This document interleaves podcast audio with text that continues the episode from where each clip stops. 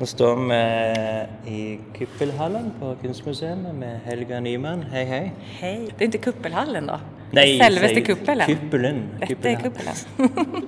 Beklagar, det blandar de to. Det är alla. Så nu har vi hämtat oss något dricka. Ljus, iskaffe till dig. Mm. Det känns ju som sommar när vi står här inne då, även om det är kallt ute.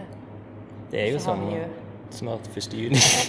Det känns inte som det, det är ju åtta grader ute. alltså ting blomstrar ju. va? Det blomstrar, det sommar. Lyset går in här i kuppel, ikke minushall. Vi har det på grund av akustikken så ska vi in i, i biblioteket. Ja, Är det det officiella namnet? det är det officiella namnet ja. Du som har jobbat här som montör, du är ju känd i bakrummen här. Jo, det går väl vi- lunchrum också. Det är lunchrummet ja. Mm. Lunchrummet, biblioteket, möterummet. Är det allt det här? Det funkar som allt. Lunken kaffe. Ikke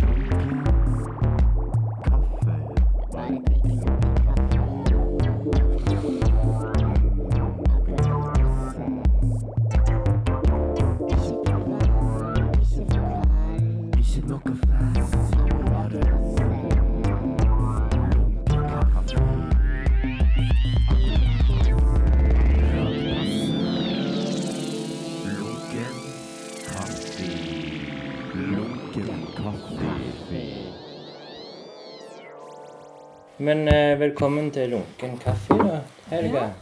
Härligt. Eh, man har ju snackat om detta i, jag vet inte hur många gånger jag har spurt. Nej då, du har ju bara spurt en gång. har jag bara spurt en gång? Ja, Jag har fall tänkt på det i många år. Ja men så bra då. Jag har inte tänkt på det. Men, eh, men jag tänkte ju på dig tidigare. För du har ju varit med Mm. Som, som gäst här. på museet med din podcast. Ja. Men då kan vi ju egentligen börja med det fasta inslaget lunkent eh, bekantskap. Hejsan! Vem är du? En ny vän. Vær hilset, min nye venn. Hvordan kjenner vi to hverandre? Så trivelig med nye bekjentskaper. Gøy. Du när vi möttes första gången? Jag tror det. Ja. Tysker du? Har du ett gott minne? Ja, jag har ett minne. Mm. Har folk sagt det eller något du tror själv? Eh, nej. jag vet inte om jag generellt har ett gott minne, men jag har ju ett gott minne av, tror jag, när jag mötte dig första gången. Okej. Jag tror det var på din utställning på Studiosätten, Infiltratören. Mm. Kan det stämma? Nej. Hvordan kan dette ha vært? Men jeg tror det var når Hansi hadde utstilling på Studio Ja! Så kom du og Tarjei og da ditt første barn som sikkert var nettopp født eller noe sånt. Klara 2015 då? Ja. Ja. Altså august. Mm. Juli, august. Men var, var det för du hade din utställning? När var det då? Ja, det var jo et halvt år før nesten. Ett halvt år för? Mm. Okej, Og da tror jeg hilste på deg. då hilste Men tror, husker at du var veldig sånn hyggelig. ja. Så bra då. Mm. Men jag huskar väldigt gott när du hade den utställningen för då Ja. har jag för mig att då pratade vi lite mer. Mm. Ehm, fick prata lite mer om, om dig och ditt arbete, ditt projekt. Så det är det i alla fall jag huskar gott och sen har vi säkert mötts för det också. Ja, nei, nei, men altså, jeg tror ikke vi sa annet enn hei. Var inte det första året för Per Capella? Jo. Jo, Mm. det var 15 också tror jag. Och då hade det varit en del klubb, klubbkvällar den, det året här för mig. Mm. Den våren så, som Hansi och, och Tarja hade jobbat samman med. Mm. Så Hansi är kanske vår, vår fälles. Ja, Vår gemensamma nämnare. Det må det Mm. være, ja. Altså, jeg har jo lagt merke til deg før på grunn av når Hansi hadde den her eh, begravd den der eh, høyttaleren nede i gresset ut forbi her. Stämmer. Har dette noe som du hadde satt sammen? Mm. Var det, var det en sånn kuppel? Det var faktiskt ett av de första kuppelkuppen. Var det det, ja? Laga. Då tror jag att Siri Borge ganska nettopp hade flyttat tillbaka till Stavanger. Ja. Och vi hade lagt märke till det sockelprojektet hon hade Mm. utanför konsthallen. Ja. och kom i kontakt med henne. Och så um, äntade vi upp med att invitera henne som en gästdekorator för Kuppelkupp. Ok, var det det det var? Och det var nog en av de första kunstprojekten som vi, vi lagade för Kuppelkupp. Och det kan ha varit, jo det var våren 15. Jeg tror det var april 2015. Mm. For dagen etter det så var min første tur på Studio 17. Ja, Den med Andreas Zuma. alltså det var din första tur, alltså som din första... Opplevelse av Studio 17. Ja, Og sikkert òg opp første gang jeg hadde vært her òg, altså. första gången du var på Kunstmuseet. Ja, for da var det akkurat den perioden jeg skulle begynne å infiltrere. Så e- egentlig så var det denne kuppelkupp-tingen som var min første fornya for, altså, inngang til kunsten, på en måte, etter sånn ti år med uten. Ja, var det ett bevisst projekt det att Nei, det kom? Nei, nei, det kom etterpå. Altså, kom etterpå. det var bare at jeg, jeg Siden jeg kjente Hans fra eh, videregående, Mm. så hadde jeg begynt å møte han sånn igjen eh, sånn, da i 2015. Ja, Og så var jeg liksom nysgjerrig på han, for han, han gjorde litt ting som var litt kjekt. og sånn, Så ville jeg liksom følge og se, se hva han holdt på med, liksom, og følge etter han litt. Og, og Ja. da, var jeg, da var den første tingen det her, da, med den høyttaleren. Eller ja stämmer. För då Siri. Siri då, hon fick egentligen ganska sån, hon fick fria töjler och hon fick ett litet budget och så, så inviterade hon då med sig två andra konstnärer och så... Hvem var den tredje kunstneren? Husker Ehm, du? Sa du skulle huske. Ja, men det har jag ju egentligen. Så nu är det liksom flaut att du spör då för att eh, det är en, en konstnär som eh, jag kände lite från förr också. Ja, hon är svensk men hon Mm. studerade väl på Kunsthögskolan i Bergen. Så jag kommer nog på det ganska Ja. snart. Ja. Eh, så de gjorde ett, eh, ett fällesprojekt Mm. utanför eh, kuppelen. Mm. Stämmer. Var du med på den öppningen och Mm. omvisningen? Och, Ja, ja. ja, for det var tale og Ja, Vi hade liksom en liten samtal där liksom, det ute. var noe der Altså, det var mat, husker jeg. Ja, det var fullt kuppelkupp, bara ett konstprojekt det var utanför kuppelen. Ja. var liksom inspirerat av det Ryfast-projektet. Det var ju då som Mm. de, de höll på att borra rätt under vålan ja. där. Ja, ja, Och ja. alla de liksom vibrationerna i backen. Och, ja. Ja, for det begynte allerede da. Ja, då höll de på. De var Og de er, liksom fe- igång. er de ferdige nå? Nej. Fire år seinere. Men når begynte du å jobbe her, egentlig? Jag kom hit i 2012. Ok. Så jag begynte första mars. Ja. Så jag har varit här i syv år. Ja. Jag har haft två permissioner i löpet av den tiden. Mm. Men, eh, och, och vi skulle ju egentligen bara hit ett år. ja. Vi bodde ju bara... Det å ta i. Ja, Mm. jag var nyutannad eh, konsthistoriker och så var väl både, både jag och Terry liksom intresserade i att flytta ett annat sted. Så vi Mm. sa att ja, men jag kan egentligen söka jobb i hela Norge utom Stavanger. Sa Terry då för att han hade gått folkhögskola här i Solborg rätt där borta. Å ja, ja, ja. ja. Eh, så men så var det en, en jobb då eh, och den var här i Stavanger så då sökte jag på den och så när jag fick den så flyttade jag hit. Ja. Först jag och så kom han efter. Mm. Det var liksom, Du har vært den samme stillingen hele tida? Som... Ja, då var det vikariat eh, ett år och så blev det förlänga och så blev det tvärt fast. Ja. Og tittelen du har hatt her, er pedagog, er det ikke? Ja, först var det väl förmedlingskonsulent Ja. och så, men så är vi ju en del av Museum Stavanger så blev jag Mm. museumspedagog. Jag har gjort väldigt mycket forskjellig här. Ja. Det som är käckt med ett eh, relativt lite sted och liten institution. mm. Og egentlig ganske nytt. Altså, Museet, er nytt i forhold til mye annet. alltså det öppnade väl i 92. Ja.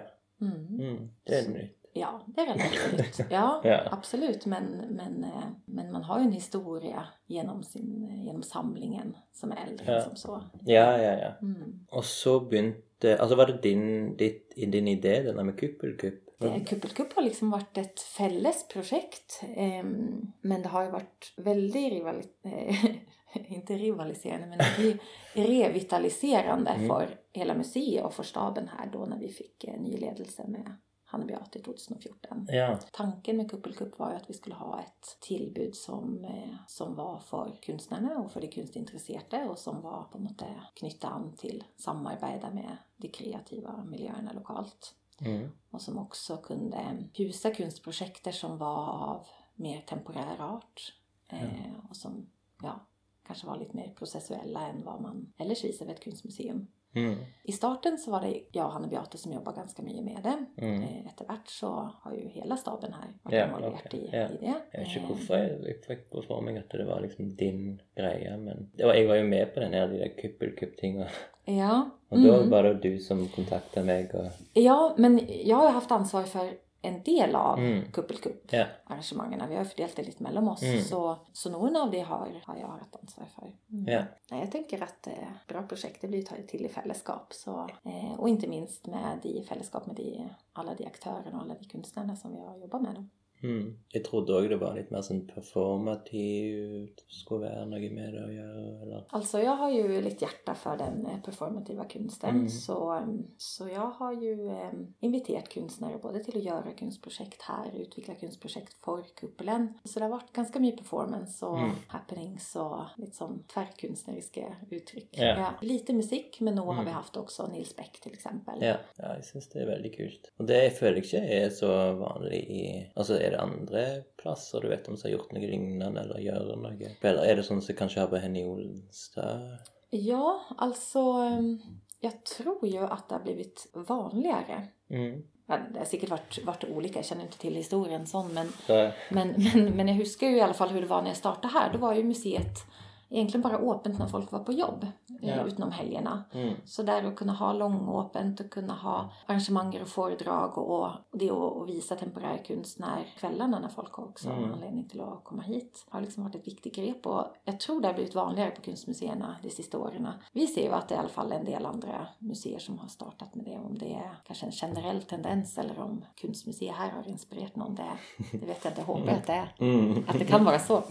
Ja. Du var ju med med din podcast, när var det? I 15?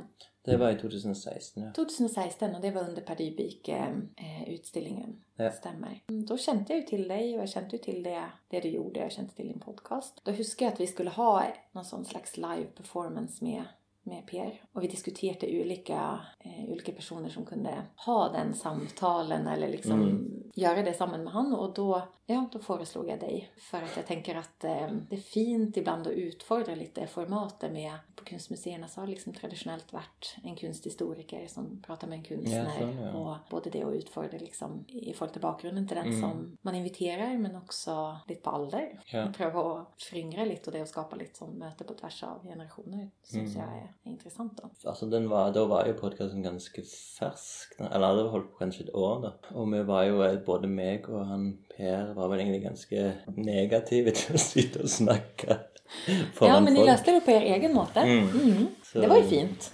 Ja, nei, det var, jeg syns det var veldig kule ting som skjedde ut av det. Mm. Sen är det liksom det som är utfordringen men också det som är spännande med det rummet, kuppelen. Mm. Att den har den akustiken som den har. Ja. Men det är också det är ju ett fantastiskt rum att jobba Mm. i och, Det, altså, Bildene ble jo fantastiske, liksom, for eksempel. Men jeg husker jo at det var, det var noen som sa at de hadde ikke hørt noen ting av eh, den samtalen. Og så var det noen andre som hadde hørt absolutt alt, liksom, for de hadde sittet på den rette plassen. i forhold til... Stämmer. det är så det rummet fungerar. Det är ju Mm. det är speciellt. Men eh, Men jeg tenker dere har vel løst litt på forskjellige måter da med dere har hatt folk som eksempel musikere og sånt som spiller. vi jobbar ju med bra lydfolk när vi har haft. Men stort sett så har det ju handlat om att man inviterar folk till att göra något i kuppelen och att det är viktigt att de känner till rummet och på något sätt får erfara rummet. Mm. för de utvecklar något eller tackar ja eller som att de, de vet vad de har att jobba Ja, med. sånn, ja. Men eh, det fungerade ju fantastiskt med Nils Beck. Mm. Eh, så hade ju Per Capella hade sin öppningskonsert här också. Det var säkert också i 15. Då, då var jag i permission. Ja. Men då var det ju eh, mycket mer alltså ett atmosfäriskt Mm. lyduttryck som, som fungerade i, i det rummet. Hvis alt kommer å gå som det skal gå, så, så legger jeg ut denne her episoden den dagen de her eh, Hystad og Lerin Mm, skal ha kuppelkupp her. det Går stämmer. det an å si det? Ha kuppelkupp. Kuppelkuppa.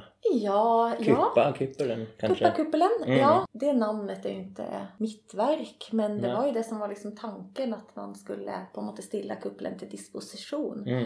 Det är nog fint i det där att, att ge lite sån, invitera folk in, ge lite eh, definitionsmakten fra sig. Och Mm. Så det liksom boikotter på måte litt. Kuppa, er det litt Inte bojkotta. Det boikotte vi er ju inte. Och,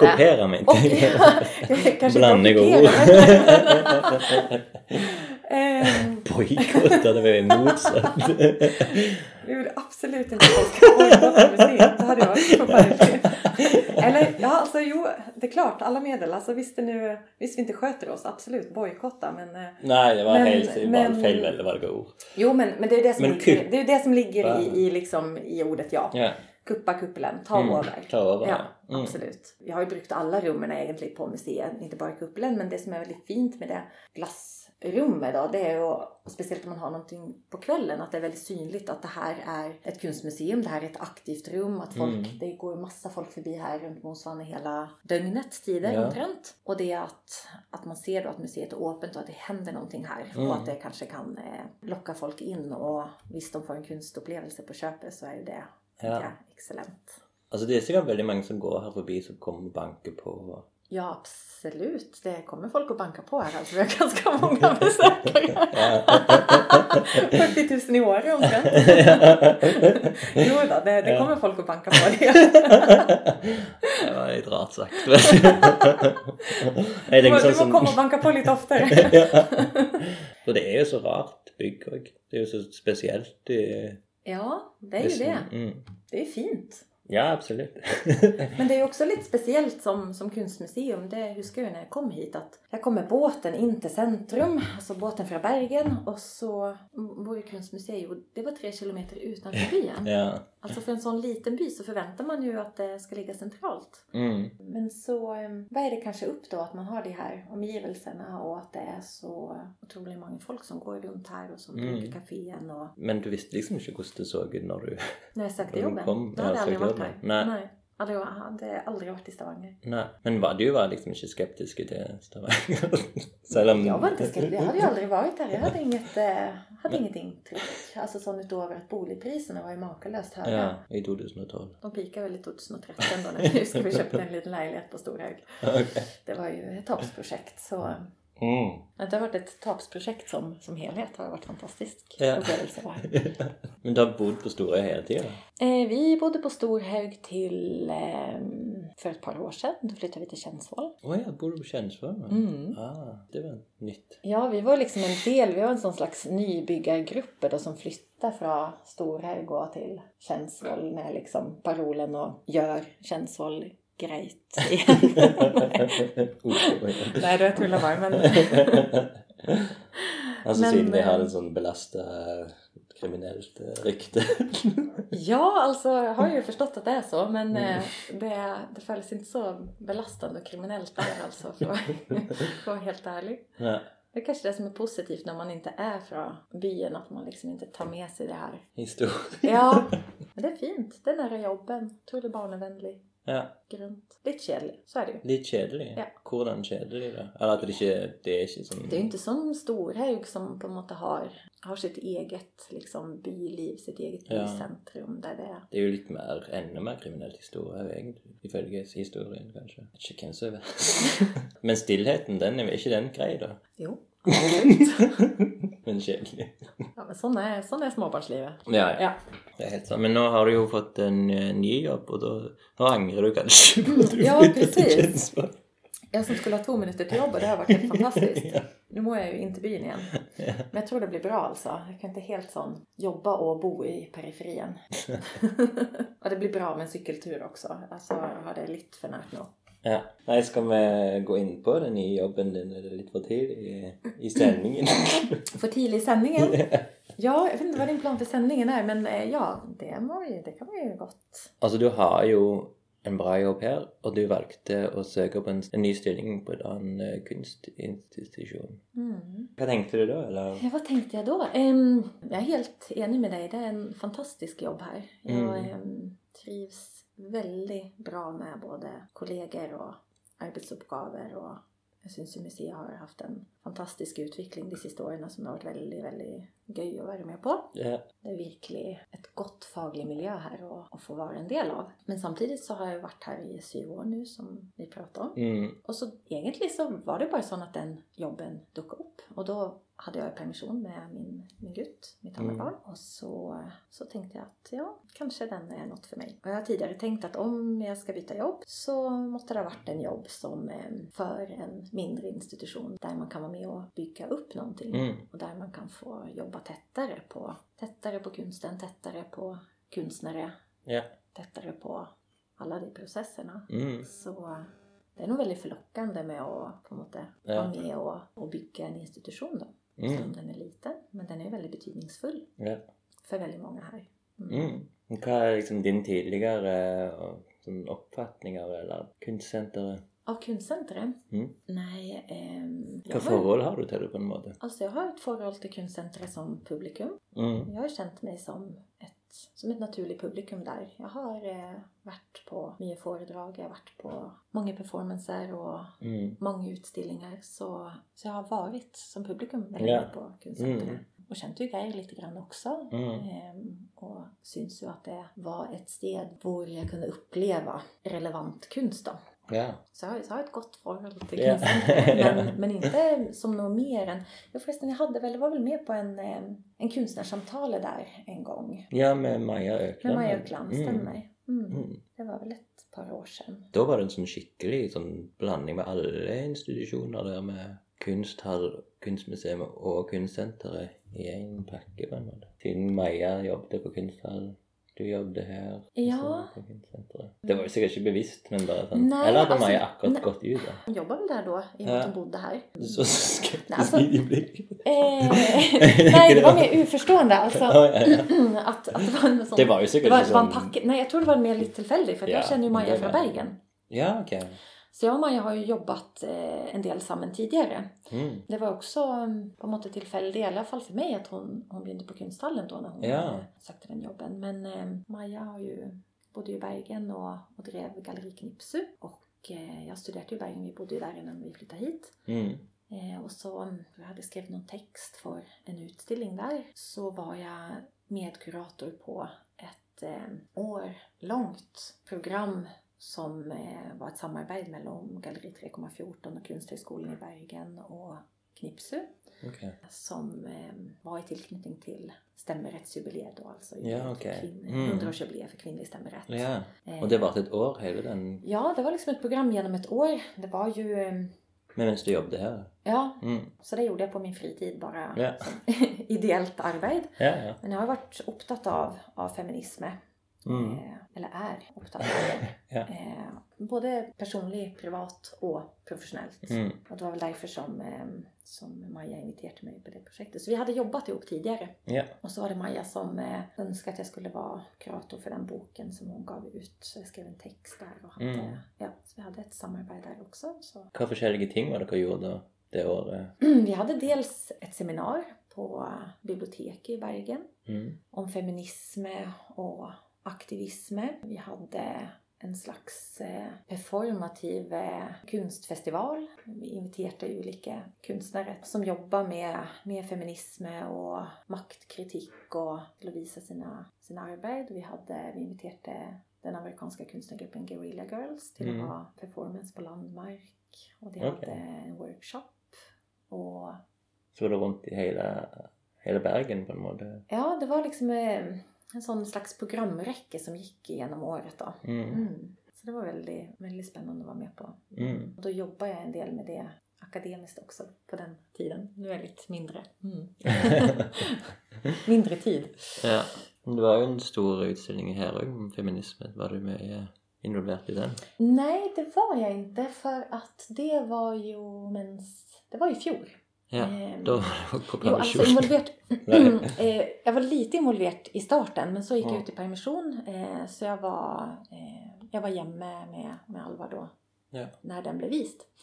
Men ja, det var ju främst europeisk, amerikansk eh, 60 och Ja. 70-talskunst. Mm. Det var kanskje han, han sitt darling. Ja, det var Hanne Beate och eh, Hanne Beate Uland och Vibeke Salte som jobbar med det Ja. projektet främst. Mm. Så, men jag tror eh, vi är ju flera personer här på museet som har varit upptagna av Feminisme. Ja, feminism, ja. På olika måter. Alltså man, museet är ju med i ett nätverk eh, för eh, mångfald och likestilling i museet. Så, eh, eh, så det har varit ett fokus på, man är väldigt bevisst eh, vad man gör av inköp och hur man programmerar Mm. för att pröva att och bidra till, eh, i alla fall ändra den typ av kunsthistoria som vi allerede har skrivit om. Mm. Mm, som vi på mange måter er skolert inn i. Men eh, la oss snakke litt om den utstillingen som er her, da. Ja, Flora. Flora. Mm. Mm. Den skal jo være til oktober. Ja, hela sommaren och Mm. ut utöver hösten för att få hela den liksom blomstringssäsongen. Ja, det, det är en utställning som eh, min gode kollega Vibeke Salte har kuraterat Mm. och som är ett sånt som blir ju alla projekter tror jag, i vår bransch är hjärteprojekt. Alltså Ok. man Mm. vet inte, eller är du enig? Vår bransch skiljer sig kanske lite från andra för att vi har ett extra engagemang för det vi gör kanske. Jag vet inte. Det er vel alt sånn innen kunst og kultur er vel litt sånn, sånn Hvis noen skal sette opp et skuespill, så er det liksom hjertebarn. Og... Ja. Men det är en väldigt fin utställning. Det, Vibeke har själv ett stort intresse för hage, för plantor. Mm. Men så är det också ett ett projekt som, eh, som har en väldig aktualitet idag då som har fått kanske ännu mer aktualitet särskilt nu under våren. Och som är en utställning som eh, visar verk av eh, flera både norske och internationella samtidskunstnere. Noen historiska verk är med också, där många av verken på olika måter knyter an till botaniken och Botanikens historia. Så det är väldigt fin och väldigt intressant utställning hvis att man går i, i dybden på Mm. olika kunstprojekten. Mm. For det er jo veldig mye om formidling her, føler jeg, på Kunstmuseet. At det er veldig fokus på formidling. Mm.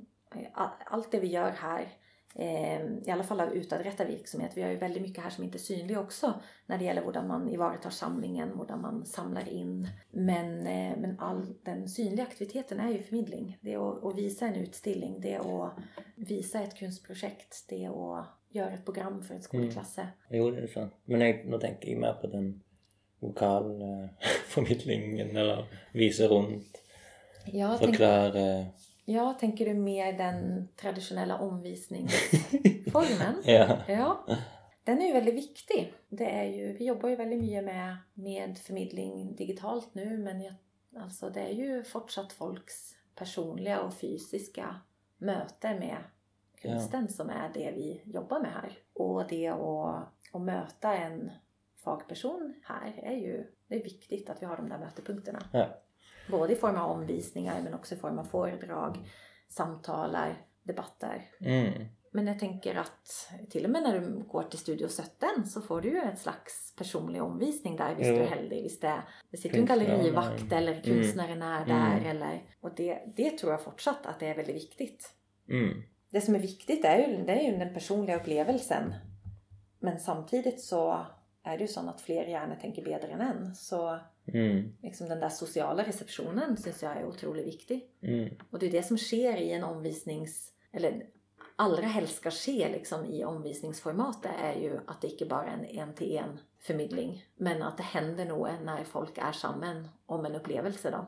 Mm. Mottar, tolkar ett verk eller delar sina erfarenheter. Det er jo gøy å besøke en utstilling først, så få din egen mening, og så komme tilbake igjen med en omvisning. da. Mm. Man glömmer ju det ibland när man jobbar med konst. Eller visst man har växt upp med den här liksom naturliga tillgången till konst och andra kulturuttryck så glömmer man lite att det är en tärskel för väldigt många. Ja.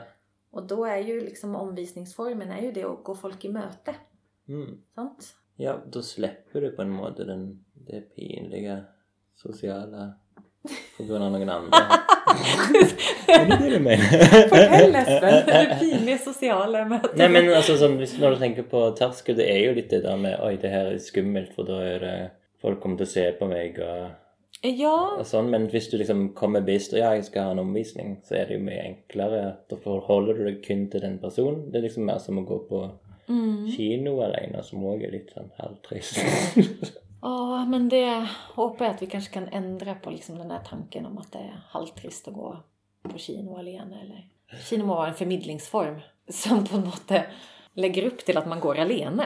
ja, jeg syns egentlig det. Jeg, Varför går man egentligen samman på kino? Det är ju bara för att man ska kunna ta en drink etterpå. ja. Eller liksom... Jo men... Det er derfor Jo, du går med noen andre, for liksom det er flaut å gå alene. nej, men, nej, men- det er bare det sånn Nej men kan det då vara sån, det är ju s- vi är ju sammen om upplevelsen. Ja, ja det är det. Det är ju det. Och du vill ju säkert när du går på omvisning här så vill du ju helst ha med en annan person för då är du sammen om det. Kan du snacka om det etterpå. Stämmer. Men jag, när jag fyllde 36 i februari Ja. så gick... Är du 1983-modell? Ja. Ja, men det är jag med. Ja. Men du är februari. Skål. Jag är decemberunge. Skål. jag är äldre än dig. Men... ehm, Espen är äldre än mig. februari, tio månader. Vill du ha lite ljus? Ja, tack. Väldigt att du skulle fira alderen. Fira 1983. Har du aldersnoja? Nej, nej, inte helt. Har du? Nej, det, jag tänker det, det är bra. Jag husker när jag fyllde 30 att jag syntes det var så dejligt. För då var jag liksom inte en ung jente Åh ja. längre i, liksom, i vår sektor. Åh ja, sån ja. För att jag hade lite mer sån ålderspondus. Mer Positivt. Men i alla fall när du fyllde 36 då sa Ja. du i februari. Ja, nu är Ja, ja, ja. Nej. Hämta dig tillbaka. ja. Eh, nej, då, då gick jag på kino alene. Det som var så- också fint, så att filmen var till två timmar. Mobilen har ingen täckning, ingen sån wifi och sånt. Nej. Och så var jag helt alene i kinosalen. Var det ingen där? Ingen andra. Nej. Jo, jag såg eh, The Favourite. The Favourite heter han. Okej. Eh, det handlar om fyren som har lagt eh, Killing of a Secret Deer och Ja. den, The Lobster och sånt där. Han är ett Ja, regissören. Han är väldigt bra. Lobster, va? Ja, den huskar jag. Den var bra. Ja. Ja, The Favourite var väldigt, väldigt bra. Mm, mm. Jag tror det kan vara en av de bästa bursdagsferiene jag har haft. Ja. I, alene i, i kinon. Där jag kan liksom rullera, gå lite runt, sätta mig lite där. Gjorde du det? Ja, jag satt mig runt i forskjellige Satt meg litt foran. Reiste meg opp og gikk litt rundt. Det var liksom en total frihet. Du var faktiskt ensam. Hade det varit förr i tiden så hade det varit någon som på något sätt var i maskinistrummet. Det kan jo være det var en hvordan de opererer de Nej, jag tror, jag tror inte det är det längre. ja. Men alltså förr så hade du varit liksom samman med en i maskinistrummet då liksom. mm. Som hade observerat dig göra de här Ja. tingene i... Han har sittet og lest seg, han har ikke brydd seg om meg. Sittet og røykt. Men eh, Ja, fantastiskt. mm, Og så til og med så hadde jeg liksom litt dårlig strøm på mobilen, så jeg fant en sånn liten støpsel. eh, Lada den. Ja. Å gå alene på kino er jo veldig Å gå alene på et galleri er jo Det gjør jeg jo òg ganske ofte, liksom. På åpning er det Ja, det hadde jeg aldri gjort før. Mm. Altså Hvis jeg ikke kjente til noen i miljøet, så jeg syntes det var veldig skummelt. Ja, men du har ju pratat lite om den liksom, den tröskeln och hur har det varit för dig?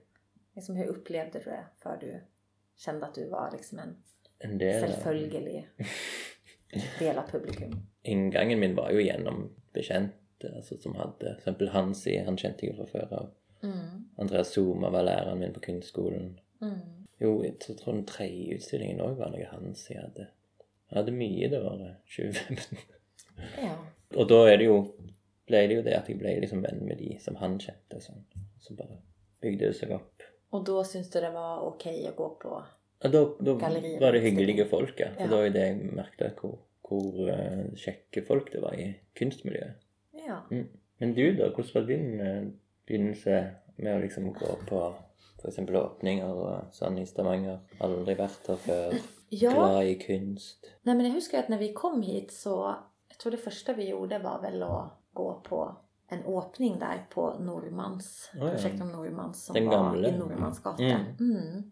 Och jag bara huskar att det var, det var en helt annan stämning här än vad vi var vant till i Bergen. För Ok. det, det är ett mindre miljö här men det är också ett väldigt sån inkluderande och öppet miljö. Mm. Var på den öppningen och, och folk kom bort och, och snackade med oss Ja. och, och var nykärlig på oss. Och jag, vet inte om det är så överallt men, men eh, jag tror att det är styrkan med att det är ganska lille kunstmiljö. Att det är en sån öppenhet och, och intresse för när det kommer andra fagpersoner Mm. till byn så blir det väldigt gott mottaget. ja, det, det är helt enig. Så jag upplevde ju att, att det var ett eh, väldigt fint och, och inkluderande miljö här på Mm. en gång. Ja. Så, så det tror jag är ganska speciellt för Stavanger.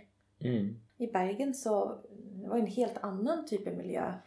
Men då var du student? då? Ja, och där har man ju Alltså det, det är ju ett, ett större och på många mått rikare kunstmiljö för att man, man har ju hela det studentmiljö och frivilligheten Mm. och fler institutioner och men sen studerade så jobbade jag ju extra bland annat på Teatergaragen och Mm. eh, jobbade också i, i kassan där i Lidöra på, som assistent på eh, Studio Bergen för Carte Blanche. Det? Eh, Ja, det är Norges eh, nationalkompani för samtidsdans. Åh ja, okej. Så, I kassan. Ja, eller? Alltså den Alltså- sålde kaffe. Nå, ja, nej, jag var väl billettör. Sålde biljetter. Ja, Och då fick jag se alla föreställningarna. okej. Så det var liksom min motivation för att göra det då. Ah, Så då såg jag väldigt mycket scenkonst, såg väldigt mycket samtidsdans. Eh, och det var du intresserad av förra bak? Det var kanske där som den intressen blev fött. Ja. För att genom, eh, ja, ja, för dans, eh, genom det har jag haft några av mina absolut starkaste upplevelser av dans. Mm. Men, men också Teatergaragen. De hade annat år en festival som hette Meteor. Okej. Eh, som var experimentell teater och, och andra annat år så hade de Oktoberdans som var experimentell dans. Okej. Och, eh, så jag var frivillig på de festivalerna huskar jag och så jobbade jag lite extra också som föreställningsassistent och, eh, och billettör för det. Och såg väldigt mycket scenkonst då. Mm. Ja, alltså jag huskar ju väldigt gott den upplevelsen av att på en måte vara, vara ny på ett sted då. Mm. Och där du märker att här är det liksom, här folk känner varandra och Ja.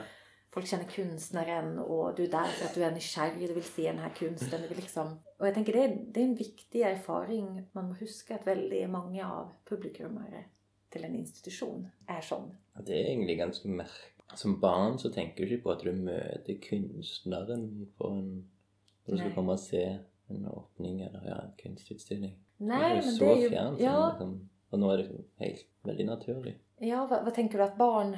Eh, Nei, har altså som annan- altså personlig. Altså jeg Ja. hadde tenkt liksom at, at en kunstner var liksom så stort, liksom. Og du, de var liksom ikke tilgjengelige. De var liksom sånn som gjemte seg vekk. Handlar det någonting om liksom den traditionella konsthistorien och liksom den väldigt eh, eh, konstnärmyten mm, mm. på något vis? Den, liksom den, det. liksom den kanoniserade figuren som liksom skapar i kraft av sitt Ja. mytiska väsen vet du, men som Mm. inte är helt sån tillgänglig. Han som med liksom pa- ikke- kappe Ja, ja. bart sånn vrir på. Ja, ja Men jo, som det, det är någon som vill på sätt leva upp till den också då. Nu. Men det, kanske det handlar lite om den där, eh, jag hoppas lite som gammeldags myten om konstnären då. ja. Som en som står på utsidan av samfundet. På Sant. något sätt och betraktar Ja, ja, ja. liksom står lite närmare guden och andra människor på något. Hvor er du egentlig vokst opp? Jag växte upp i, eh, i Nyköping. Mm. En eh, liten en by som ligger eh, 10 mil sör för Stockholm.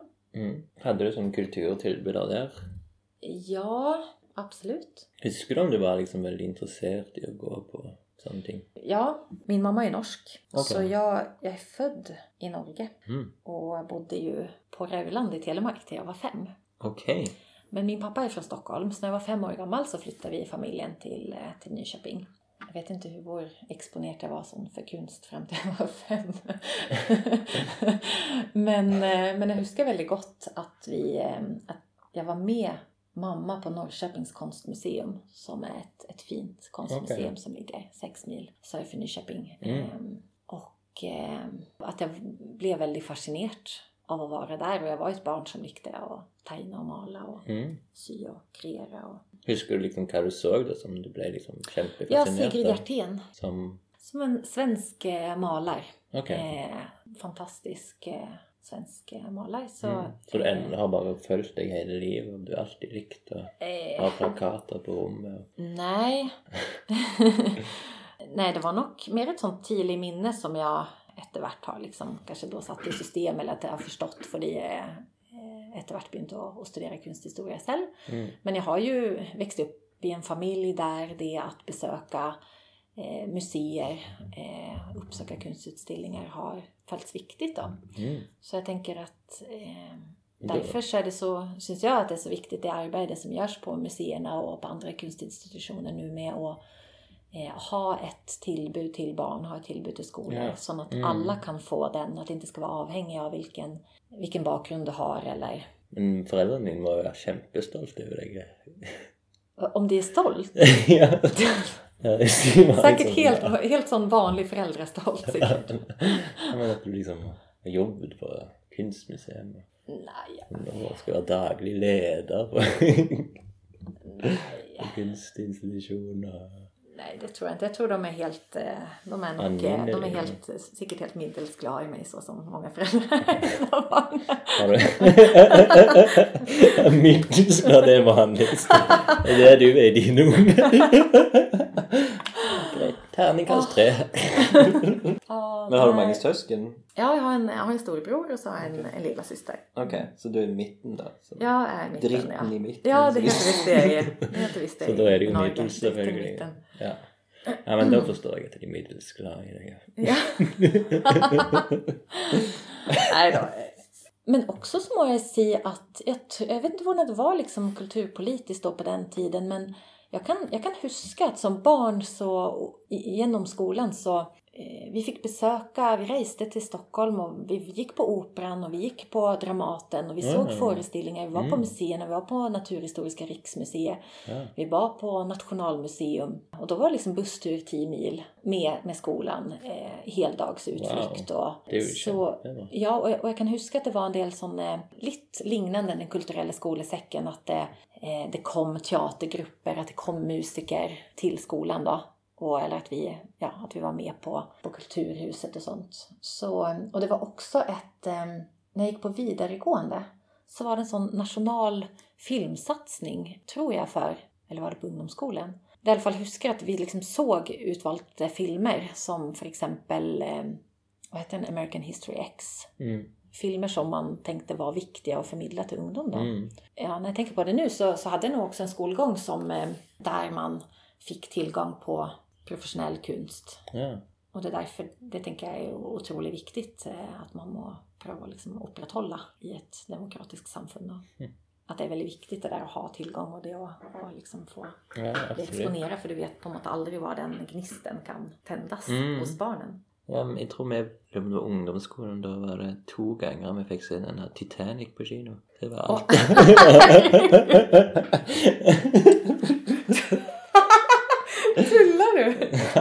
Ni se Titanic på to ganger var, det, jeg på den. Det det Med skolan? Mm. Och det upplevdes som en viktig film att förmedla till Ja, ja. Hadde Ja. vunnet så mange Oscar. Det är en 1% historia och 99% Ja. eh, Nei, jeg tror var Veldig dårlig eh, skolen. Det jeg husker av liksom fikk av kultur. Är det sant? Ja, men när kom liksom den kulturella skolesäcken och sånt? Var det 90-talet eller? Nej, du gick ju i skolan Ja, på vi er 90-talet. jo i samme Vi är Vi har samma gått samme, generation. samme veien, holdt jeg på å si, samme tid. Ja, jag tror det är ju stor forskjell nu också mellan skolor och liksom hur flinke det är på att uppsöka. Mm, ja, det er jo det. Og så det, dette var jo på Hillevåg, så da er det ikke så mye plass å dra. Hillevåg, det är ju ett stenkast från byen. Ja, det er jo kanskje det. Jeg det er vet et ikke. eget. Veldig. Jeg, tok, jeg, ble, var vel 32 når jeg fant ut av å gå på utstillinger. Men du var på kjekt. kunstskolan. Ja, jeg gikk ikke på, på utstillinger da. Nej. Men det, det huskar jag när jag startade här i 2012 så det första jag gjorde var vad jag reagerade på. Varför kom inte kunstskolan här? Varför var inte kunstskoleeleverna här Ja. hela tiden och såg alla Mm. utställningarna och tog kontakt med mig och Ja, sånn, ja. eh, satt här och kissa och på Mm. något brukte museum. Ja, Då ringde jag till Jon Öjvind och så inviterade jag kunstskolan över och så sa jag som ja men vill inte komma till museet och inte se utställningen? Och så sa Jon Öivind till mig att eh, når dere viser noe intressant, då kommer vi. Oi! og, Ja. jeg, og jeg venter ennå. Jag väntar ännu. Nej då. Men Jon Øyvind, han, eh, han hade rätt i det på en måte. Fordi eh, programmet blev etter hvert mer interessant. Ja, sånn ja. Mm. At de var, Ja. det var litt for eh, historisk og ikke sånn samme tid og sånn? Nej, jag tror inte det. Nej, det var inte på grund av det. Men eh, det var väl på grund av programmeringen här och, eh, och. Så han Att Beate inte- som gjorde, snudde det helt, eller? Jeg vet ikke hvem som var Ja, nej men det, det, det var ju, hon kom i, i 2014. Mm. Ja, nej men hon har haft en stor betydning här för Ja. museet. Men Så- jeg husker jeg var på um, For kunstskolen har jo og til noen sånne um, eh, samtaler, kunstnersamtaler Eller hva heter det, forelesninger? Presentasjoner. Mm. Da husker jeg han sa Jon Øyvind sier av og til fra sånn Ja, husk at eh, i kveld er det kunst... Nei, for eksempel Studio 17, og så er det Kuppelkupp. Der er det gratis for dere Mm. elever. Mm. Og det er vel noe som, noe som ordner sånn Ok, vi må få Ja, men det har vi eh, pratat om. Det har vi pratat Mm. om. Ja, och jag vet ju, Nöjvind har verkligen anbefallt våra eh, utställningar och, Ja. och de kuppelkupp-arrangemangen. Mm. Men man må ta det på allvar. Eh, visst det är så att eh, dels så, det är klart att går man på kunstskolan så man, man är, kan ju vara mest upptatt av att, att, att skapa själv. Eh, Ja. Men jag tänker det är ju väldigt viktigt att man känner att man kan uppsöka institutionerna då och liksom ta Mm. del av den, Ja. den diskursen som ju ett större kunstfält eh, kan ge. Eh, Nå har jo jeg på en måte vært i eh, miljøet i fem år. Og da merker jeg jo de som kommer for eksempel på Studio 17, de av de kunstskoleelevene, det er jo de som går videre. Det er liksom de som, de som får inntrykk, som klarer å skape bedre og sånn. Mm. Men når jeg gikk der sjøl, så gjorde jeg aldri, gikk jo aldri på en åpning. Og det var jo sikkert mest på å skape sjøl, kanskje. Mm. Selv om jeg vet ikke om jeg skaper så mye, men eh, og at det er liksom Når du er ung og syns det er litt skummelt med den der, de her eh, etablerte kunstnerne, eller Mm. litt redd for det etablerte i Mm. det hele tatt. At liksom du vil helst være med dine egne.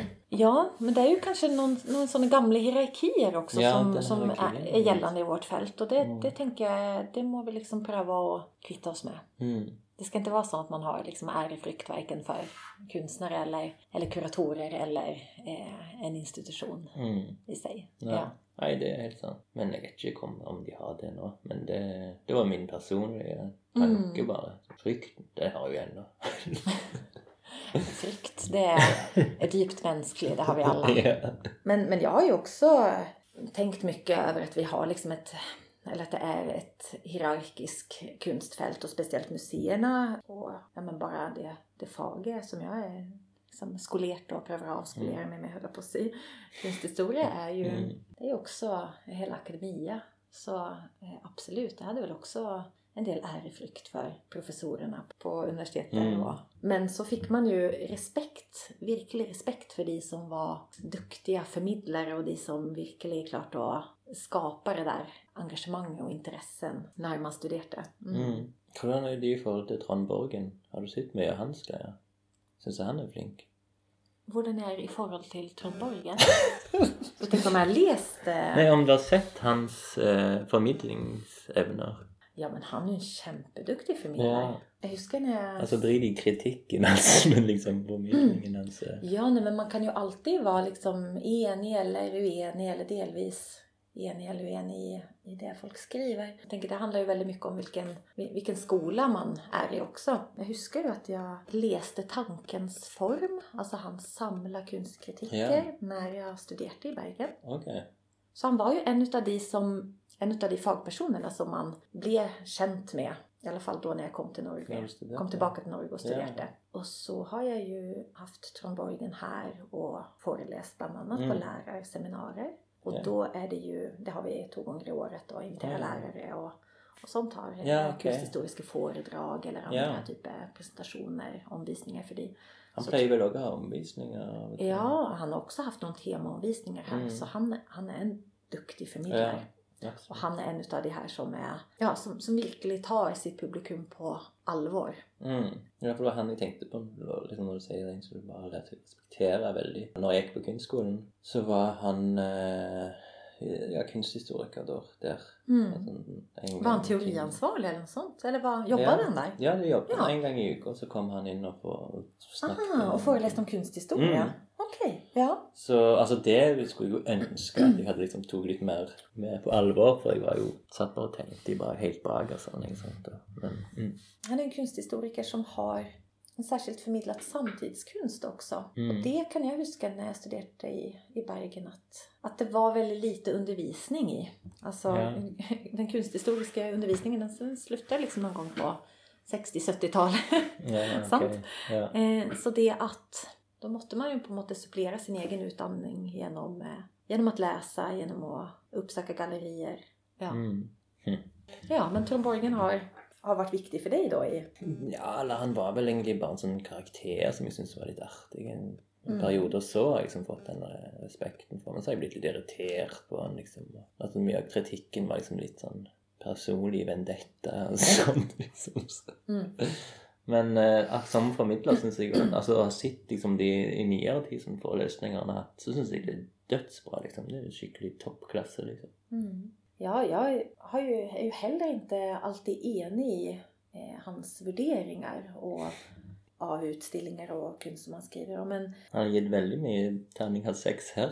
på eh, i den senare tid Ja. För det var det jag skulle säga att han, jag huskar ju när jag startade här. För han är ju en av de som inte bara har sett på, på konsten. Men som har sett på liksom utställningsformatet, Mm. på kurateringen ja. och på en måte vänt det kritiska blicket mot fagpersonen bak, eller fagpersonerna, Mm. Mm. kuratorn. Både i förhållande till valg, programvalg, sant? ja. men också i förhållande till presentation. Och det tänker jag, där har ju han stått för en, eh, en nyare form för kunstkritik där man inte bara värderar konsten, där man också värderar liksom hela, hela förmedlingsformen Mm. Som utställningen är. Och jag huskar ju när jag begynte här så var han en skarp kritiker av en del av de valgerna som blev gjort Mm. på museet. Och då huskar jag att jag syns att det var väldigt bra att man hade det yttre blicket på sig. För att jag tänker att det, det allra värsta för en institution eller för en konstnär som sådan, det är ju att inte ha någon reception i det helt tatt. För då är man ju helt irrelevant. Är det ingen som räknar med en, sant? Mm. Så jag tänker att eh, det att det fanns, och jag syns att det var berättigat också, den kritiken som han vände mot Så museet då. det kom liksom slakt. Eh, ja, Mm. men han pekade på, på ting som, eh, som jag tror väldigt många var eniga i också. Ja. Mm. Pekte på viktiga ting. Men det gjorde kanskje ikke noe med antallet publikummere. Gikk jo ikke ned pga. en dårlig anmeldelse. Nej, jag hoppas ju inte att det är så. Så, så är det ju så att idag så är det ju väldigt lite det är ju väldigt lite omtale av konst och kultur i dagspressen. Det är ju ett generellt problem. Sant? Ja. Eh, nu ser jag att det har ju varit, ni har fått lite mer exponering av Studio 17. Men jag huskar ju starten där så ville ju inte bland annat Aftonbladet skriva för det var typ one night only eller en helg eller alltså Ja, ja. det var så, så kort utställningstid. Att, Mm. Och där tror jag också, där har kanske kulturjournalistiken må, måttet ändra sig lite också för att kunna möta de ändringarna som är i kunstfältet. Mm. Det är märkligt att tänka att, att inte ett performanceverk som visas en kväll Mm. ska ha behov för en kritisk eh, reception på liklinje med en utställning eller andra uttryck. Det handla vel for at aviser skulle være på en måte reklame òg, eller tror du ikke det? Ja. At det, du kan ikke vurdere noe som du ikke publik, eller de som leser aviser, kan se. Ja, men vi läser ju väldigt mycket i avisen vi inte kan se. Ja, det er sant. Så Ja, nei, det, det, var det, det var ju det som var eh, argumentationen då. Mm, ja. Men den, den argumentationen håller ju inte riktigt. Nei. Og det er jo mye, det er jo veldig kjekt å lese noe som er verdt òg, Ja. egentlig. Absolut. Det det. Ja, for nå kom det jo nettopp en, eh, en anmeldelse av denne gruppeutstillingen på Mineral Studio 17. deposits. Mm. Ja, stämmer. Og den Mm. kom jo en uke seinere, og det er jo veldig kjekt å få, Ja. liksom. Men Men jag tror att det har ändrat sig lite. har du skrevet kritikk noen gang? Nej. Nej. Jag har stort sett skrivit eh, alltså det jag kallar för förmedlande texter. Mm. Utställningstexter eller katalogtexter. Ja. Föredrag. Åpningstaler. Öppningstal. ja. Någon få, inte så väldigt många. Nei. Mm. Det var jo med og skrev den til Anna Ile. Ja, stämmer. Mm. Den eh, vil du kalle den? på dagen? Nej, alltså det, det, det var ju mer ett uppdrags, eh, en uppdragstext. Mm. Tillbaka till liksom var man möttes första gången. Det var Ja. ju efter din kuppelkupp här. Anna? Nei. Så mötte jag Anna Ok, ja. första gången. Jag huskar att jag gick samman med er tror jag. Längs Mosvannet, kan du huska det? In mot byn. Och då hilste jag på Anna första gången. Mm. Jo, jeg husker det. Och då tror jag hon ganska nyligen hade flyttat hadde du tillbaka hit. Ja, Mm. tillbaka till Stavanger. Och så följde jag henne lite och blev ju intresserad i det som hon jobbar med. Mm. Och tänkte ganska länge att jag ville ha henne med på Kuppelkupp. Ja. Men hon, hon var ganska travel. Så jag huskar att det var lite sån fram och tillbaka eh, för vi endelig fick eh, eh, landat, då visste hon väl, vad det, när var det? Det var april, ja, det var, jag var höggravid. Ja, jag tror jag hade, det var omtrent på termin. Ja. Jag tror, jag tror det var min termindator som hon hade. Altså ett år siden. eh, ja, Mm. ett år sedan. Ja. I fjol vår på Kuppelkupp. Ja. Eh, och då inviterade jag Det kan være egentlig mai, for det var noe med de blomstene og Det var 26 april tror jag. Ja, ok. ja, det husker du Eh, meg. Mm. Men det var rätt för första maj. Så, men då fick hon ju egentligen en ganska öppen invitation om att att ta i bruk kuppelen och Mm. visa ett verk eller ett projekt i kuppelen. Mm. Och så utvecklade hon någonting performativt eh, verk specifikt för den kvällen då. Mm. Det var otroligt fin kväll. Ja, det, var, det, blev bara så bra alltså. Mm. Men då, ja, dels så ville hon ha en text som jag och hon samarbetade om. Ehm, For det, teksten skulle på en måte handle om å blåse opp henne som mytisk kunstner. Liksom. ja, det handlar ju... Var det det du fick pitcha liksom? Ja, alltså du kan ju se... Det är väldigt intressant med de blickarna som också Anna har som är... Hvordan är liksom kunstfältet strukturerat? Vad är det för maktstrukturer? Inte minst som ligger i språket. Hvordan vi snackar om ting. Ja. Och hvordan vi snackar om konstnärer. Det är inte en hemlighet att eh, konsthistorien är, består av väldigt många män. Mm. Definierat av män. Mm. Och också måten vi kanske, eller väldigt många tänker om konstnärer och konstnärskap idag är ju också farga av den där eh, föreställningen om den där, det geniet på något sätt. ja, det var Sant? Att Mm. en konstnär är någonting annat än oss andra. En konstnär är ett geni. Mm. Och det är också den typen av retorik som kunstinstitutioner och kanske speciellt kommersiella gallerier brukar för att folk ska förstå hur viktig ja, ja, den här konsten, hur värdefull den är. Mm. Och det handlar mycket om att, om att då stadfästa liksom den här konstnärens enorma genialitet. Samtidigt som jag tror Anna, hon hade ju var en, öppning och öppningstalarna på ett galleri här i byn som hon speciellt, eh, vad ska man säga, var inspirerad av då och som hon syntes var Mm. intressant. Och i den talen så hade man om de här konstnärerna också nästan träckt paralleller mellan det att vara psykiskt sjuk Mm. och genialitet. Och den där, den där kopplingen det är ju någonting som vi, vi också eh, på något sätt har med oss från konsthistorien. Alltså Mm. van Gogh, eh, Lars Hertevik Mm. eh, och, och, och också Mm, den där mm. tanken om att eh, men eftertiden kommer liksom till att förstå vilken... Ja, Alltså sant? Ja, for dette så- var om nålevende kunstnere. De satt i den der eh, geni... Ja, eh, och Syke nålevende genier. precis. Ja. Så Anna hon eh, ville att eh, vi skulle samarbeta om att skriva en eh, öppningstale som geni erklärte henne. ja. Öppningstalen som blev framfört på Kuppelkupp var också verket. Mm. Och det var Hanne Beate som framförde den. Mm. Och där tror jag både jag och Anna fick väldigt stor respekt för Hanne Beate. Dels för att hon hade det mote att Mm. påta sig den rollen Ja, som ja. faktiskt var performativ där Ja. också. Det blev ju tydligt för folk efterhvert att det här var en del av, av konstverket. Att det var performativt. Mm. Men jag tänker att hon, hon visste ut mot i det att hon turte och liksom la sin, sin rolle liksom reförhandlas på något vis. Mm. Eller, liksom att hon, hon låt faktiskt konstnären Anna intervenera i hennes rolle. Ja, ja. Och det tänker jag, det var ju det vi vill med Kuppelkupp, liksom att, att konstnärerna skulle intervenera Mm. i museet. ja. Och liksom vara med och definiera, ge från oss lite av definitionsmakten. Och det tänker jag, det var ju akkurat det som skedde akkurat i det verket också. Att till och med liksom den där museumsdirektörrollen ja. och öppningstalen i sig kunde bli Mm. genstand för en, en konstnärsk intervention. Mm. Och sen framförde hon den fantastisk dramaturgi. Och jag hade ju bara varit kurator för projekt och jobbat samman med Anna fram Mm. mot visningen. Men själva genomföringen, då hade jag gått ut i permission och, ja. och kom hit. Jag visste inte om jag skulle på psykhus eller om jag skulle hit omtrent. och var bara besökare när det blev framfört. Och eh, jag bara huskar det som en otroligt speciell och fin upplevelse. Mm. For i tillegg så var det et kor som sto og sang Mm. at de ville heller plukke blomster. Ja, och det var ju också för det är ju en slags feministisk maktkritisk projekt. Mm. Eh, Det var väl också, vad heter hon, Spekter-direktören, eh, nej, Kari Bratten, vad heter hon?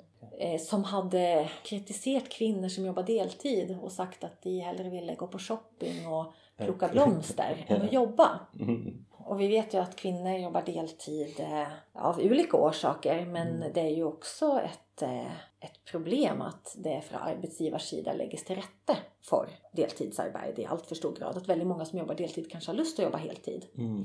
Och, och så den måten att omtala det på, den var ju märklig men, men, eh, men, men Anna hon, ja, du, du vet ju kanske mer om det här än mig- men jag tror också att hon, att hon, hon snudde liksom lite på det. Var, varför, ja, varför är det att liksom bara plocka blomster då? Ja. Eller liksom dyrka fritiden. Varför är det mindre värt än att jobba? Varför har vi på något en, en kultur som firar det att jobba och det att vara travel? Att det ligger nog en sån hierarkisk eh, idé att eh, vi, vi sätter liksom den, den som verkligen jobbar, den som är travel, den som Mm. är väldigt produktiv tänker man då. Den eh, har, är viktigare eller har ett bättre liv än den Mm. som dyrkar egna intressen eller gör något bara för sig själv. Plockar Ja. blomster, jag vet inte, tegnar en akvarell eller maler en Ja, akvarell. ja, ja, för det gjorde jag. Det var väl eh, backdropen där. Ja, Mm. det var eh, akvarellmaling av någon eh, fioler eller av någon sån Ja. vår, sommarblomster, vårblomster. Mm. Och så är det dekorer då som, eh, som Så- sjöng att de bara vill plocka blomster. Ja, för de avbröt ju talen som Mm. han bad De framföra. tog på en måte över. Eh, ja. Mm. Men ehm, Ja, det var ett väldigt, väldigt fint projekt Mm. och väldigt sån, syns jag, mitt i den där kuppelkupp-ånden så som jag, när jag syns att, när det verkligen fungerar. ja, såg du den? ehm, för det, hun gjorde en annan version av den bara. Det var ei som hun bodde med i Maastricht som framförde texten på engelsk. Mm. Jag har bara sett eh, eh, klipp Ja, därifrån. Ja. så den blev jo òg anmeldt. Ble den i- det? Ja, eh, i en sånn Trondhjemsavis. Eller om det var en ja, men jag, just hon visste på, var det på Kunstnercentret där? Ja, Trøndelag Kunstnersenter for samtidskunst eller noe sånt. Ja. Eller mm. det Eller jeg Okej, vet ja ikke. stämmer. På den utställningen hon hade Sammen med Idun, ja. Ja. Mm. Så det, det er jo kult at den ble brukt igjen da, som en sånn en, ja. en ny vri på den.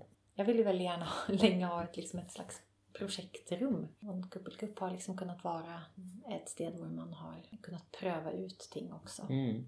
Ja, det er sånn. Så det hoppas jag liksom är något jag kan vidareföra på Kunstcentret. Mm. Er det sånn at du, du går å si liksom planer og tanker om den på kunstsenteret? Alltså jag startar formellt första august. Mm. Och det är klart att jag har massa tankar och idéer. Mm.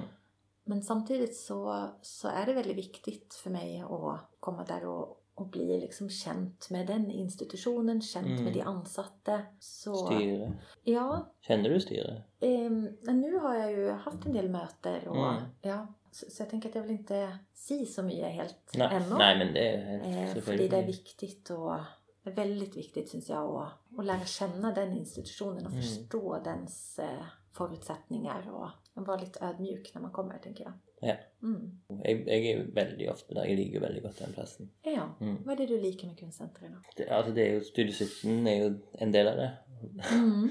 Det er vanskelig å si. Bare liker, jeg har alltid likt stemningen der og alltid følt meg velkommen. Og, og nå når det har liksom pussa seg opp òg, så er det en kjempefin plass bare å gå innom og jobbe med ting. Og Ja, det er veldig åpent, og det er veldig sånn innbydende, liksom. Ja. Og nå med den første etasjen. mm. Så har jeg noen prosjekter med Torunn, og har, virkelig kommet inn i varmen der. så bra. då. Mm. Så vi kommer til å se mye til hverandre framover. Ja, så fint. Hvis ikke du sparker meg ut, eller Hold deg til din eget lille galleri. Det kan jo være. Kan være vi blir uvenner fort. Tror du det? Nei, det tror jeg ikke i det hele tatt. Jag kan inte tänka mig att det går att bli vän med dig.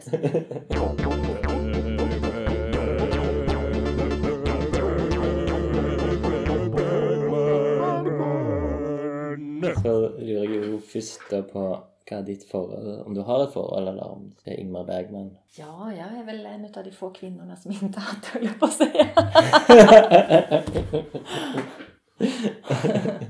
Nej då, alltså eh, har man växt upp i Sverige så har man väl ett förhåll till Ingmar Bergmans eh, filmer. Ja. Jag har faktiskt inte sett så många av Bergmans filmer i vuxen ålder. För jag var liksom medobservatör till väldigt många Bergman-filmer som barn. I soffan sammen med mamma och pappa. Mm. Og Eh, kunne ikke fordra det. alltså det, det var ganska, Det, det var ganska mörkt för ett barn. För att vara helt ärlig. òg. Ja. Det Men var det var ikke treigt, da? Eller du tenk, tenkte du at det var litt seint? eller tenkte- Jo, klart det var det. liksom Scener för ett äktenskap för ett barn. Alltså det är ju... Men, ehm. Men också, eh, men det är ju nog en, samtidigt när jag tänker på det nu så så är det ju nog en liksom scener som verkligen har inpräntat sig i mig också. Mm. Men Fra den? nej, och de scenerna. från, från flera av, av filmerna. Mm. Men som, som Men- dramatisk? Ja, alltså det, det, några Ja. scener var ganska traumatiska för ett barn Ja, att se. ja. Absolut. Ja. Mm. De vil ikke vise til dine egne barn? Mm. ja, nej jag vet inte. Vi är liksom vår generations föräldraskap är kanske lite mer protektionistiska. Jag vet inte om det är bra heller. För att, eh, eh, men så har jag tänkt att det, det är kanske en del av de filmerna som jag bör se igen. I, ja. Mm. Men nu har det varit eh, Bergman-året och väldigt mycket markeringar av han. Och, och jag tänker att Bergman är, han är väldigt kultförklarad och han eh, var ju ehm, Han var et geni. Eh, han blev behandlad som ett geni och fick alla de förutsättningarna som var tillgängliga för att dyrka sitt konstnärskap. Och det kom ju väldigt mycket bra utav det. Men eh, jag har också förstått att han eh, var en eh, väldigt auktoritär person som kanske trängde undan en del andra duktiga konstnärer. Sant? Ja. Men segmentet eh, Bergman, Ja. det er egentlig òg en eh, måte vi skal finne tittel på episoden. Ah, Så okej. derfor vad har jeg denne boken her. Ingmar Bergman. A til Ö. A til Ø, som var i det 100-årsjubileet så kom denne boka ut. Mm. Og da skal du velge en bokstav mellom A til Ø. Mhm. Har du noe favoritt? Nej, alltså då må det ju vara Ö då, som är den bokstaven som är sist i det svenska alfabetet Mm. och som är så vacker i det svenska alfabetet med O med två öjne över. Ja, den veldig Den fin. måpande, måpande munnen med två öjne. Altså, boka er jo selvfølgelig på engelsk. Jaha, Så Ödipus. Nej, Ödipus. Vi kan ta den, for det står her liksom Å, altså den svenske Ø-en Här? Nei, den svenske Æ-en og Ø-en. Ja, jaha. Altså, Å. ah, altså det, det er liksom. Å, Ø. Och, aha, Å är Ö. Okej, de, är, de kommer liksom som en sån klumpsumma på slutet där. Når det står three letters at end of the Swedish alphabet. The Swedish alphabet does not stop at the letter C, Z, but includes three additional letters at the end. O, Ä, Ö. Two of them also function as words, namely Å and Ö. Mm. Å in Swedish means a stream of brook. En älv. Älv, ja. En, en å är en älv. Det visste jeg ikke. And Ö is a Swedish word for island. Mm. As in Øy. Fårö. Fårö, ja. Har du vært der? Mm. Du har vært? Mm. Wow. Og du er ikke Bergman-fan? Tydelig. jag är emot eh, fankultur, men jag, jag anerkänner... Eh, Og du er imot fankultur? ja, Eller ordet? ja, eller... eh, Men jag anerkänner absolut han som... Eh, Stor eh, ja, jag, jag anerkänner... geni. Mm, jag anerkänner filmerna, Ja. konsten. Ja. ja. Absolut. Mm. Okay. Letter A got its Bergmanesque treatment when he started to refer to his anxieties and neu- neurosis as demoner. De brukte en ä där. Demoner. Demoner. Mm. The Swedish word for demons, though with Bergmans idiosyncratic spelling. Han skrev det på sin egen måte. Mhm. The small rings and dots that crown these last three letters of the Swedish alphabet have, among other things, been put to decorative use in heavy metal band, such as Motorhead, Blue Oyster Cult, and Mötley Crüe. When the British 1980s speed metal band Trojan added two dots to the Oh. Tröjan blir det? Ja, då känns det inte det. Genseren liksom. Tougher looking tröjan. Tröjan. Put it in their band sweaters. I inadvertently create a self-referential loop that would have made the constructionist like uh, yeah, Jacques Derrida and Paul de Man proud. Jacques Derrida. Ja, Jacques Derrida. Ja. Mm. Har du läst den? Ja. Uh, tröjan means the sweater in Swedish. Mm. Mm. Ja, men du har ju många svenska band som har... Eh, du har ju The Cardigans och så hade du Jumper som också är olika då. Eh, Jumper. Jumper, det är också ett ord för Ja. det. Mm. Tröja tröja. och en, en så hoppa. Ja, och en, ja. Mm. Cardigan, det är, Uttalat på svenska Jumper ja. med J. och det är lite kul då med tröjan. Ja, men det var, det var väl ganska bra val då. Det, det, det kom ju fram liksom med den Ja, det var lite kul. Eh, svenska alfabetet och... Nå når du er liksom eh, må skrive på norsk og sånn, savner du disse prikkene som du lærte i på skolen? Ja, men alltså nu, nu skriver man ju inte så mycket för hand då. Men det tog mig lite tid att liksom på något vis... Alltså än, den sliter jag fortsatt lite med. Ja, Och, och skriva en ä liksom. ja En norsk ä? den er vanskelig. Ja. Det är ja. Til og med når den er stor, så det er jo ikke sånn naturlig du kan løkkeskrive. Nej. Eller... Så, och sen är det det där med alfabetet då. För vi slutar ju med å, ä, ö. Mm. Här är det ä, ö, å. Ja, det er en liten miks der. Ja. Ja, så det är en del av den norska skoleringen som jag liksom inte har fått Nei. formellt. Selv om jag skriver på norsk nå, eller så gott jag kan. Men så når du gikk på universitetet, var det mest i engelsk du gikk? da, kanskje? Jag skrev på svenska Ja. de första tre åren och så skrev jag på norsk de sista två. Så gott jag kunde. Ok. Eh, Så det var ikke engelsk? Nej, Jag följ- alltså inte, inte som akademisk språk. Nej. Nei. Vad blir överskriften på episoden då? Altså, kan det bli trøyen? Tröjan. Trött, trött småbarnsmor.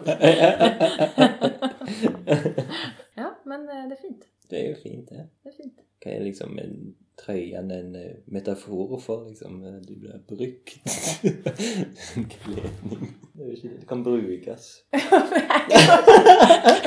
kan inte läsa det metaforiskt. Nei, men brainstorme. her. Du brainstormar runt, eh, runt tröjan. Det i kulden. Men er trøyen For det, altså, dette er ikke en trøye. Jo, det är en tröja. Det är Min din tröja. longsleeve, Det här är en. T-tröja.